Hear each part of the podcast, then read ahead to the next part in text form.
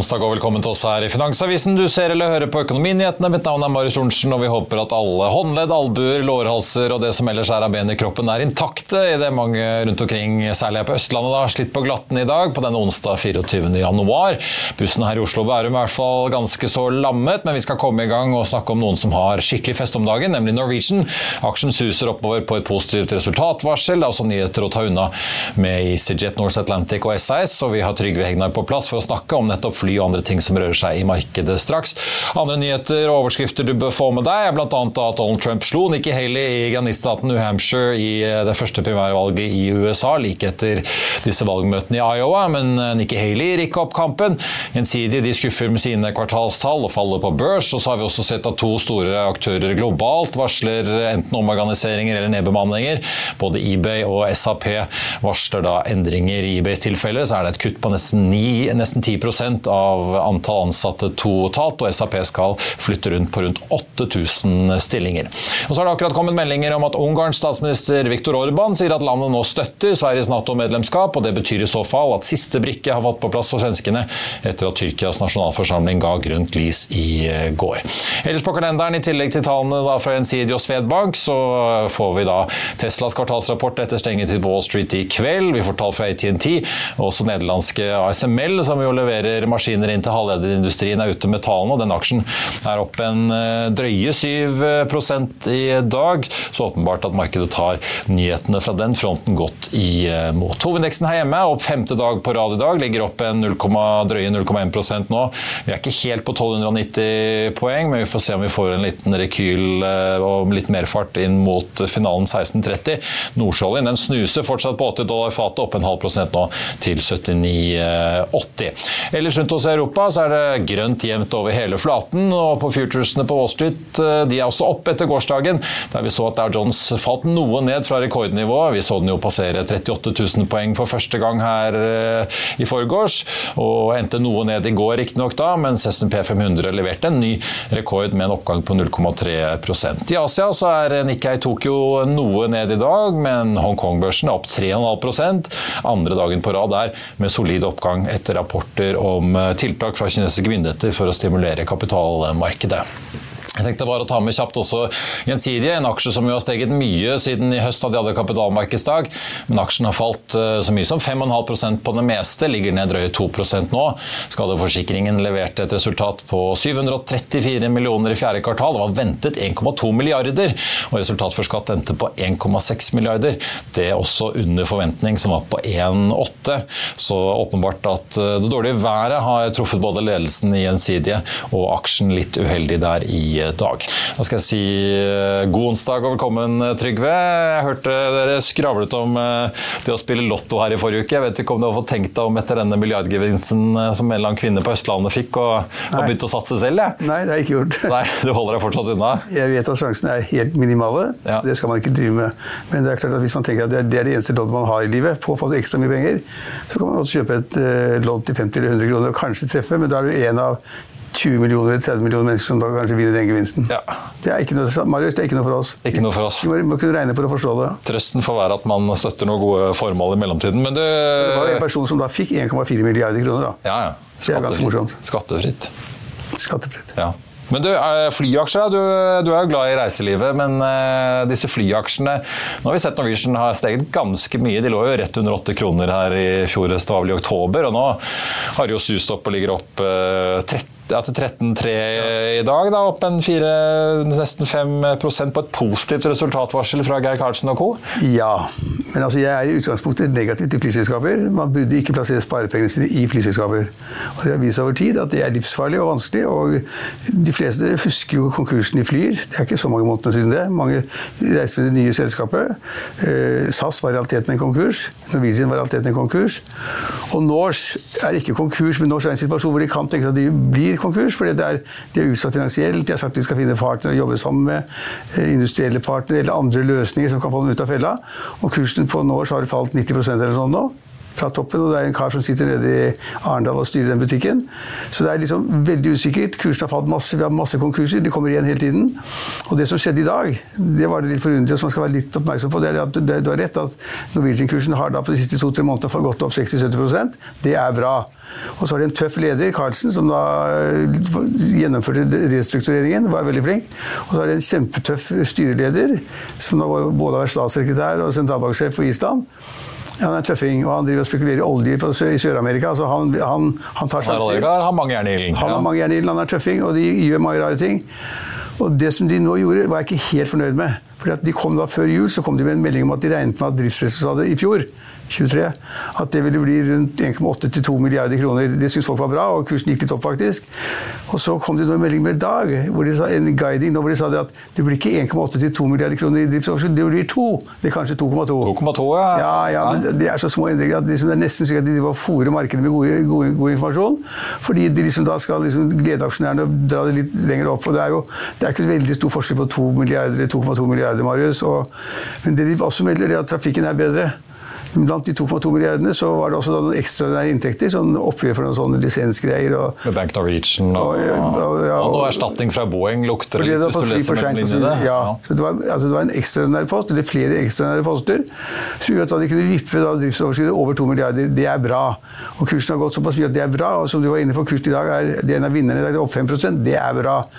Men det at man da plutselig skal bli ivrige flyinvestorer, sånn som John Fredriksson er jo inne der med et par milliarder kroner, eller Sundt-familien, eller andre, det tror jeg ikke man bør satse på. Man bør lære seg det, følge med som barrakkeren. Hvis man da får den typen av investorer som da Fredriksen og Carlsen holder på, da, og Øygard holder på, så kan man nok få et ganske bra løft i, i, i Norwegian også, men, men det er for vanskelig. Plutselig er det overkapasitet, plutselig er det for mange fly, og så, det, så går dieselkostnader eller driftskostnader for fly går kjempeopp. ikke sant? Forsikringene øker, fly, fly blir satt på bakken fordi at vinduene går i stykker, eller hva det måtte være. Det er kjempevanskelig. Man burde ikke, som, som prinsipp burde man ikke investere i flyaksjer. Akkurat nå er Norwegian en liten sak som er bra, men de masserer markedet litt for mye, etter min mening. Ja, og de, de, for nå skriver de også en ting er at trafikken i november og desember var bedre enn ventet, men de skriver også at valuta og drivstoff gikk litt i deres favør. Ja, de er ganske ærlige. De sier at det var fem-seks ja. faktorer, og alt kan snu. Så det er ikke noe slik at liksom, nå er det bonanza. Nå er jeg ikke sikker på market cap, men jeg tror den er 12 milliarder eller sånn da. Det kan jeg slå opp i hvis vi prater men for jeg tenkte i hvert fall, altså Folk følger jo veldig med på denne voldsomme reiseiveren. Og om det er liksom noen tegn til at den gir seg. Det virker jo nesten som folk i næringen er overrasket. Nå ligger de på 12,8 milliarder. da. Ja, liksom. Ja. Og de har en prisordning på De har vel ti, kontanter. Så. ja, ja, men de har også en prisordning på 12-13 eller sånn nå. Ja. Så aksjen er ikke billig, den er farlig. De ledelsen, Carlsen og Øygard de masserer markedet. Det er ikke så bra. Men de sier iallfall hvordan de gjør det. Det er mange, mange faktorer som har skaffet litt ekstra, ekstra, ekstra, inntekter. Så altså, jeg ville fulgt Norwegian ganske nøye. Uh, Norse har jeg lite håp om at de kommer til å klare seg. De er, kursen har altså falt av 90 eller hva det er. Og de trenger penger. Og de skal ha inn noen penger i dag, blant annet også. Ja, Fristen for å tegne seg reparasjonsemisjonen går ut 16.30 i dag. Ja. Da må du ha ringt Sparebanken Markets eller Pareto. 11 kroner aksjen. Den ligger jo på drøye 12, er det vel?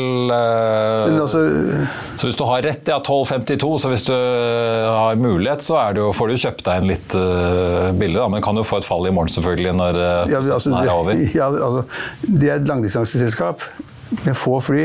Og hvordan de skal klare seg i en tøff konkurranse, det har jeg ikke peiling på. Det er en ivrig og interessant investor som gikk inn der. Men altså, de kan like godt bli avviklet eller gå konk, som at de skal drive videre. Så man må ikke putte penger der for, for bare det. Så, så gjentakelsen er Det kan jo skje ting, da. Flyr, Norse, ja. Norwegian, SAS.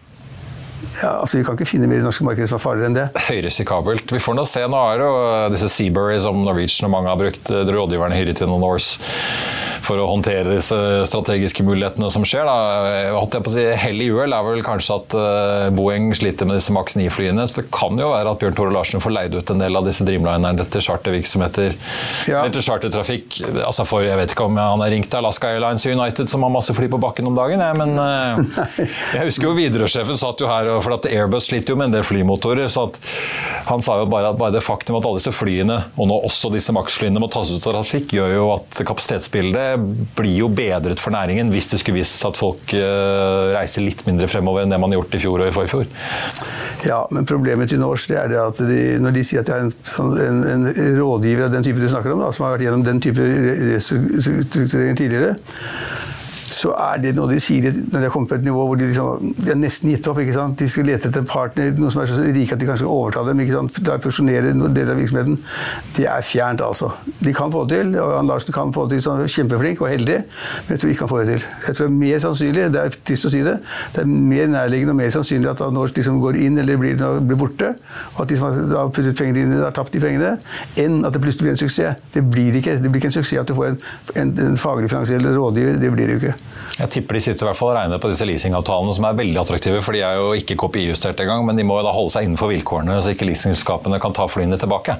Så det, jeg antar man sitter og pønsker på en eller annen modell her hvor man kan få utnyttet de leasingavtalene fullt ut i årene fremover. De som kan det, de regner på det, Marius. Ja. Du og jeg kan det ikke, så vi regner ikke på det.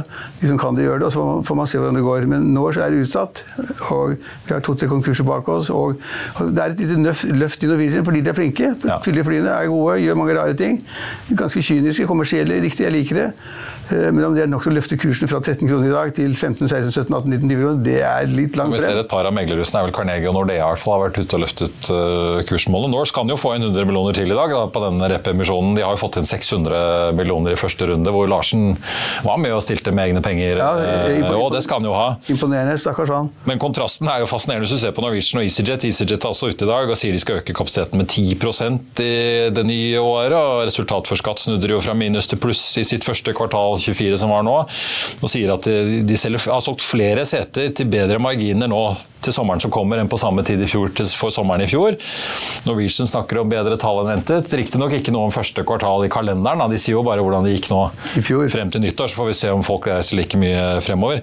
Men kontrasten til SAS er jo markant. da. Der drar chapter 11-prosessen ut. Den blir nå kanskje ferdig til sommeren, ett år på overtid. Det, det er, de, Marius, SAS det er nesten glemt. Altså, de, den prosessen de har vært igjennom, de er langt fra å komme i mål. Ja. De er blitt utsatt og utsatt og utsatt. Og, og nå har da konsernsjefen sagt for tiende gang sagt at hvis vi helt tatt kommer i mål Han sier ikke at de helt sikkert kommer i mål. Hvis vi kommer i mål med den prosessen, hvor man da helt avhengig av en dommer i New York Hvis man kommer i mål så er det helt sikkert, sier han, at de gamle aksjonærene får ingenting igjen. Null. Zero. Det var sånn null. Og usikret til kreditor, også null. null. Det er bare ja, med pantsikkerhet som får eh, Ja, Så man har en notering på Oslo Børs med noen, noen, noen, øre hver dag. Det er bare tull. Det er null. Og når sjefen sier det blir null, så blir det null. Aksjonærene i SAS de har tapt alt. Det kan vi si er storleken. Det jeg bare tenkte å nevne, da, er jo at de trakk jo guidingen for da 2024 her rett før jul på den siste kvartalsrapporten de kom med før nyttår. Men eh, de har jo kommet med ny guiding da for 2024 nå, regnskapsåret sitt, og da sier de Milliardtap. Ja, fordi de regnet nemlig med De sa først i fjor at de regnet med et overskudd da i året 2024. Så trakk de guidingen. Nå sier de at de regner med et resultat for skatt på mellom 0 og minus 1 milliard svenske. De tapte jo godt nesten 6 milliarder svenske i fjor. 5,7 eller hva det var. Så kontrasten, hvis du ser på bare resultatene En ting er jo restruktureringen, men hvis du ser på resultatene, så er det jo spriket mellom Norwegian og SAS er jo fascinerende stort når de opererer i et ganske likt marked. En katastrofe. Ja. Rett og, og eh, Norwegian endte opp med Widerøe også, som da var samarbeidspartner med SAS tidligere. ikke sant? Og har fått lov til å kjøpe da konkurransetilsynet. Ja, så, ja. Ting skjer. Vi, vi, eh, vi spurte da vi var på NHOs årskonferanse din venn eh, Petter Stordalen. Eh, han har, en, han har, jo inngått en deal vet du, med Geir Karlsen, skal lage et bonusprogram sammen. Så det kommer jo til å skje ting i Norwegian fremover som blir ganske spennende å følge med på. Helt sikkert. I de, men de, de, gjør veldig mye ut av det. da. Ja. Petter sier at hvis vi bare kaller det strawberry, så vil alle bruke det. det strawberry er ikke liksom nøkkelen til alt, da. Nei. Jordbærpenger. men Norwegian ligger litt bedre an enn SAS for tiden. SAS ja. ligger dårlig an. Det, det, skal de ha. Aksjonærene skal få null, det er dårlig. Og de skal ha enda mer penger, og de taper masse penger. Det er. Så gjentakelsen og oppsummeringen blir vanligvis. Flyaksjer er ikke særlig noe man burde løpe etter. Men du, fra fly til uh, noe helt annet. Vi må innom to andre ting òg. Sol på tak, Otovo. Vår kollega Eivind Åkre har jo skrevet om uh, disse kraftselskapene og store aktørene, og Energi og Nysnø, som er statlig, og ja. Obos tidligere har jo også brukt penger på Otovo og dette selskapet som er en slags sånn hva skal jeg si, fin ennå for å få solpaneler på taket, men de har tatt mye penger. Ja, Men de får ikke til. De har tapt utrolig mye penger. De taper penger hele tiden. Noen hundre millioner her, noen hundre millioner der. Hentet penger hele tiden av velvillige, snille investorer, som da Nysnø bl.a., og andre. Eh, som er eh, positive til eh, liksom, det grønne skiftet og skaffe bedre energi og ikke CO2-utslipp osv. Og da var løsningen for, alle, for, en periode at alle skulle ha solcellepanel, solcellepanel på taket. Og det man ikke brukte selv, kunne man selge kanskje med skatt. Men, det, men poenget er at man må se hva som skjer. Strømprisen har falt ganske mye mer enn mange trodde. Det er ganske mildt ute. Det er ikke så kaldt. Det var kaldt i forrige uke uken før, men det er ganske mildt. Og interessen for da å få solcellepaneler på taket er stadig mindre. slik at de får ikke ut stortingsfordeler i det hele tatt. De skal, disse panelene skal opp på taket, de skal skrus fast, skal koble elektrikere, gjøre masse arbeid. Det blir ikke noe penger av det. Og selskapet har holdt på i mange år. Og de har en veldig positiv daglig leder. De får ikke til, de taper penger som skjorta. Og hvordan skal de snu det? Jo, da må de bli veldig mye større for, for, for stordriftsfordeler. Så må de få veldig mye bedre priser for det de gjør. Og så må de håpe at strømprisen øker. No way, Marius. Hold deg unna. Ja, for det, altså Torsheim har jo virkelig satset og vokst masse ut fra Europa, men Carnegie-analytikeren som Eivind snakket med, altså Eivind Garvik da, i Carnegie, litt som du peker på, driften er kostbar. Man er avhengig av mye større volumer for å oppnå positiv kontantstrøm, som man regner med kommer til å ta to-tre år til. Ja, kursen har falt 80-90 Da kommer det flere emisjoner. Det lukter lang vei, og det sier jo han Carnegie-analytikeren Bare hente penger hele tiden. det. Ja. Hvis du vil bli kvitt pengene dine, kan du bare tegne der. Men eh, disse kraftselskapene og Nysnø da, de fortsetter å sette penger i dette? De har såpass mye penger, da. Altså ikke Nysnø, de må jo få penger fra staten for å bruke dette på Det kommer jo fra statsbudsjettet. Fra statsbudsjettet. Ja.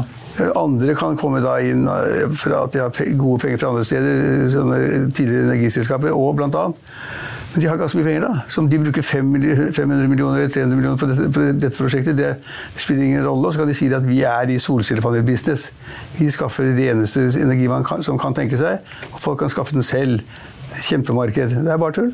Men det er, altså, alternativet er jo at de kunne betalt mer utbytter til kommunene Ja, men de som eier dem, liksom. Altså, Ja, og ja, gamle. Glitter og Agder Energi. De betaler, like, betaler mye fra før, så det er liksom ikke noe poeng lenger. De skal være, være med litt overalt. Inntil da, de, de, de selskapene må hente penger igjen og igjen og igjen.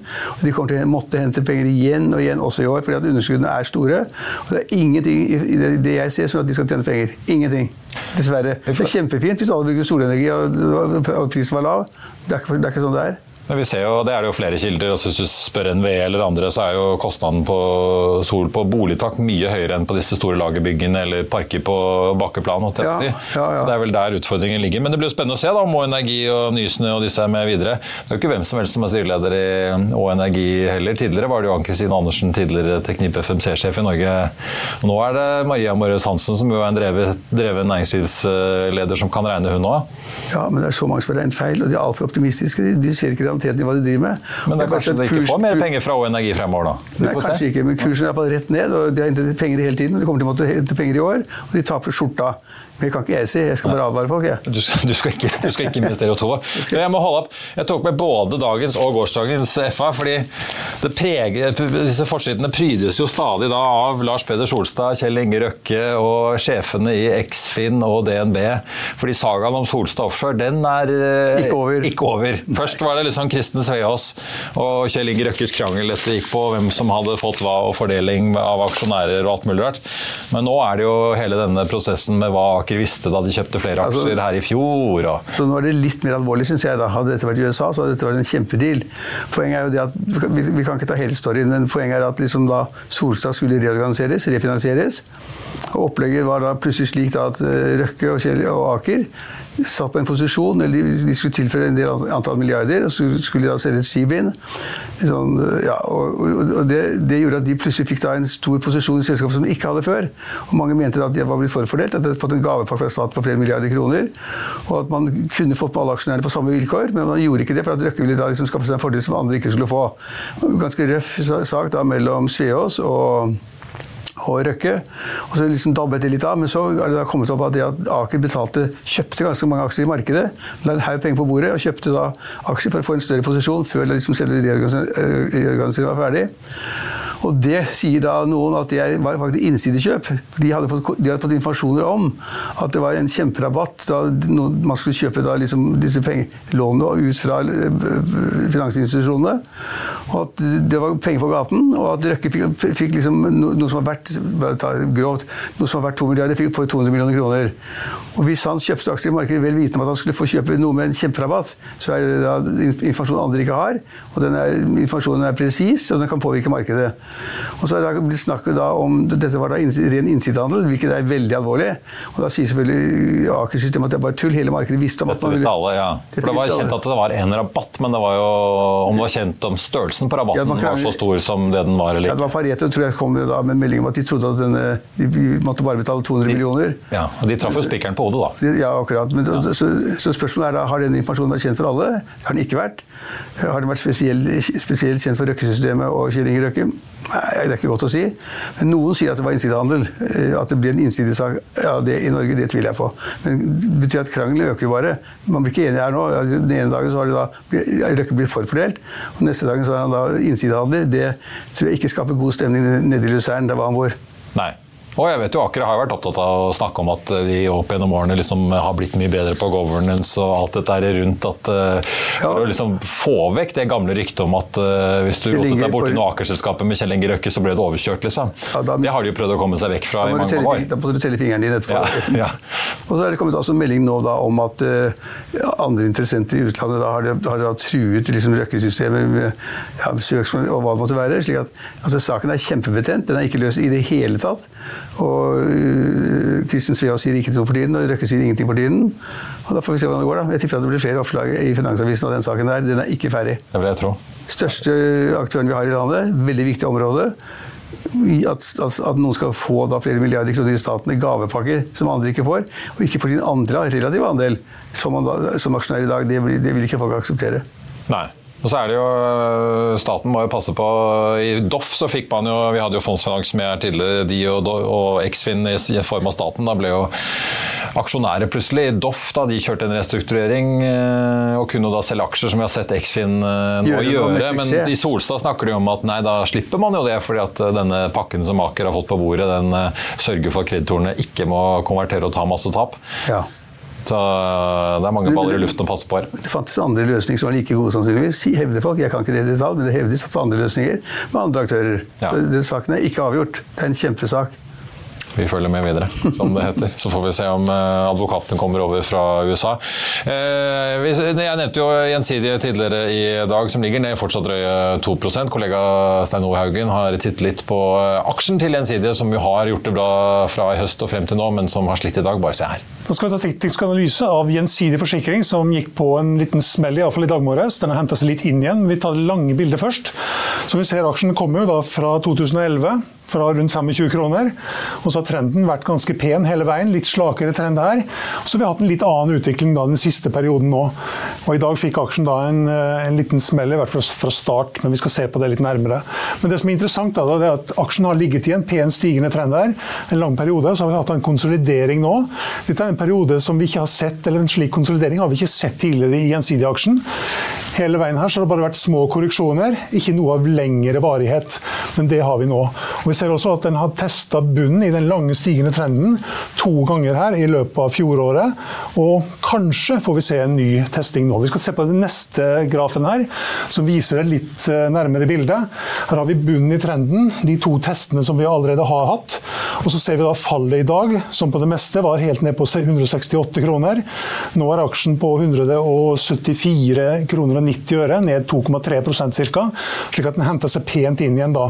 Men den har fremdeles da brutt igjennom den tekniske støtten der på 176, og i forkant av det så har han også brutt 78, og begge de to ble brutt i dag. Så ser vi at den der korreksjonen her, den begynte faktisk i midten av desember, her på rundt 190 kroner. Og så ser vi til RSI-diagrammet, så hadde vi en positiv undertone her, helt frem da til eh, årsskiftet faktisk, eller ja, egentlig eh, midten av desember. Og så har vi da fått en fallende tendens, altså RSI har falt, stigningstakten har vært på vei ned, RSI under 50-nivået, korrigerer kraftig ned også i dag. slik at Her har vi hatt en liten fallende tendens helt siden midten av desember. og Det ser vi også at vi hadde i starten her. Midten av desember, ny topp, ny nedgang. Og så fikk vi da det fallet i dag. Hva skjer da nå? Den har allerede testa den tekniske støtten på 171,50. Den var jo under. Og så har den korrigert tilbake over 200 dagers glidegjennomsnitt også. Det er positivt. Faller den igjennom det og etablerer seg under, så kan det være et signal om at den skal videre ned. Da er det 165-nivået som er første testen. Korrigerer nå aksjen opp igjen, og vi får en vending i RSI-diagrammet her, og kanskje et brudd på den fallende trendlinja, og brudd gjennom 50-nivået, så vil det være positive signaler. Da kan vi få en ny opptur i aksjen. Men så lenge den fallende her, tendensen i RSI-diagrammet fortsetter, så er det litt usikkert. Brudd på 176 og brudd på 178 på stigende omsetning, det vil være små kjøpsignaler. Da kan vi få en ny rekyl opp mot 184, og kanskje toppen i trenden. Vil du bli oppdatert på det viktigste som har skjedd innen finans og næringsliv? Da er det bare å følge med, for hver morgen er jeg, Marius Lorentzen og aksjekommentator Karl Johan Malnes på plass i studio for å ta tempen på dagens marked i Børsmorgen. Og hver ettermiddag oppsummerer vi alt du trenger å vite i økonominyhetene, og det blir selvfølgelig masse interessante gjester. Klikk deg inn på fa.no-tv, eller søk opp Børsmorgen og Økonominyhetene der du hører på podkast.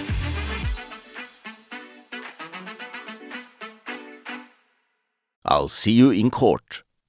Vi sier det ofte litt på spøk, men for deg som driver business, er det aldri moro å innse at du ikke har laget en 100% gyldig kontrakt. Du bør ikke risikere hele firmaet ditt fordi du synes dette med kontrakter er litt stress. En avtale er ikke en avtale. Du kan miste kunder, miste venner, ja, til og med miste inntekter om du ikke lager en skikkelig kontrakt, på alt mulig, egentlig. Men vi vet det er et styr kopimaskiner, tregprinter og haugevis av papir. Dessuten stoler vi jo på folk her i landet. Det er ofte litt kleint å skulle be om en signatur for alt mulig, ja, for mye av styret handler også om jakten på underskriften. Det finnes en enkel måte å løse dette på, Dukkobit, en trygg, effektiv og get this, gratis måte å sikre seg en god natts søvn pluss en juridisk bindende avtale. Dukkobit-appen har de strengeste sikkerhetskrav i bunn, samt en EU-godkjent og sertifisert teknologi. Framover vil det bli behagelig å spørre du, skal vi skrive under på det, eller? Kom i gang på dukkobit.no. Og har du ønsker om aksjer vi skal eh, analysere, send en e-post til tvtips.finansavisen.no, så skal Stein Ove se hva han får tatt uh, unna. På tampen av sendingen så tenkte jeg bare å nevne Netflix, som vi jo skal følge med på når uh, børsene kommer i gang her om ikke altfor lenge. De kom jo med tall i går hvor de kunne vise til en veldig sterk medlemsutvikling da på, på tampen av fjoråret. 260 millioner betalende brukere var ventet 52 56. Og så varsler de også at det er trolig er flere prisøkninger på gang. De satser på denne får vi si, litt skriptete bryteformen eh, WWE Raw, så, men selv om de i dag ikke skal gå inn i sport helhetlig. Aksjen ligger i hvert fall opp en drøye 10% til førhandelen, så får vi se hvordan utviklingen eh, går der. Det kan jo gi et pent løft på Wall Street utover eh, dagen. EasyJet gjør det også bra i dag. De kommer jo da med en kvartalsoppdatering, de også, opp 2,5% ca. Varsler da at de skal jekke opp kapasiteten i året vi er inne i med 10% med tyngde da på første halvår. Varsler også at de selger flere seter til bedre marginer eller bedre yield da, i sommersesongen 2024 enn det de gjorde på denne tiden i fjor til sommersesongen 2023. Norwegian som er ute med et positivt resultatvarsel i dag, riktignok for fjerde kvartal. De sier ikke noe om utviklingen inn i det nye året, men de gikk da bedre enn ventet på tampen av fjoråret. De ligger opp da 4% i dag. Norse Atlantic ned 3,3% til 12,57. Der er det altså tegningsfrist om halvannen time for de som har muligheten til å delta i represjonsemisjonen. Der kan også tegne inntil 9,1 millioner aksjer totalt sett da, for 11 kroner stykket. Det kan jo gi Bjørn Tore Larsen, Scorpio og Team Norse 100 millioner ekstra kroner inn i kassen. De fikk jo inn da rundt 600 millioner kroner omtrent, litt avhengig av dollarkursen, i eh, fjor høst, da, da de gjennomførte den første runden av emisjonen. Så er det ASML eh, i Nederland da, opp eh, litt over 7% fortsatt på gode ordretall inn da i ordreboken på disse maskinene de lager som eh, produserer halvledere. Gjensidige sliter med en nedgang på 2,2 selv om de har hentet inn mye av det verste. De var ned da drøye fem tidligere i dag. Swedbank fortsatt svakt opp på sine kvartalstall. Og så tenkte jeg også bare å nevne Edda Vind, som eh, ligger opp 4,4% Sparebanken Markets har jo tatt opp dekningen der. De ligger nå på en 24 kroner og 75 øre. Sparebanken Markets eh, går inn med en kjøpsanbefaling og kurs må 32 når de nå har tatt selskapet opp til analysedekning. Skipsted har lansert en ny auksjonstjeneste for bilsalg i Sverige som de kaller Wheelaway, basert på finske Autovex de er i, som startet opp i 2018. En annen aksje jeg tenkte bare å nevne på tampen også, som Sparbergen Markets har tatt opp dekning på, er Volue. Dette datterselskapet under Arendal Fosse-paraplyen. Der er det en kjøpsanbefaling og et kursmål på 28. 28. Aksjen endte på 21,90 i eh, går. I Finansavisen i morgen kan du lese Trygve Hegnars leder om lagbygging for Jonas Gahr Støre. Du kan lese om hvorfor Nordea tror USAs sentralbank skal kutte for mye i rentene fremover. Så blir det mer om værsmellen til Gjensidig Forsikring, og så kan du lese om 15 selskaper som er på seminar før en mulig børsnotering her i Oslo. Og så har fagforeningen NITO et budskap til batteriselskapet Freyr. Det er ingen skam å snu. Det var vår sending på den onsdag 24. januar, der børsen også ser ut til å lande i pluss, og vi akkurat har fått en oljepris på 80 dollar fat i spotmarkedet. Tusen takk for at du så eller hørte på. Mitt navn er Marius Lorentzen, og vi er tilbake igjen med Børsmorgen 08.55 i morgen. Da får vi med oss Gigante Salmon, et oppdrettsselskap som nå er i gang med produksjonen, men har slitt med fiskedød.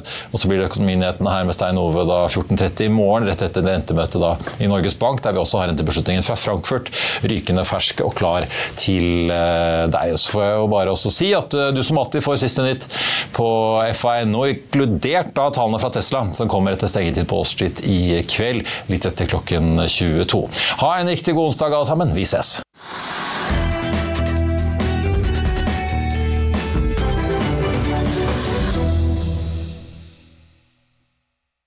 Økonominyhetene er en podkast fra Finansavisen. Programledere er Marius Lorentzen, Stein Ove Haugen og Benedikte Storm Bamvik. Produsenter er Lars Brenden Skram og Bashar Johar. Og ansvarlig redaktør er Trygve Hegnar.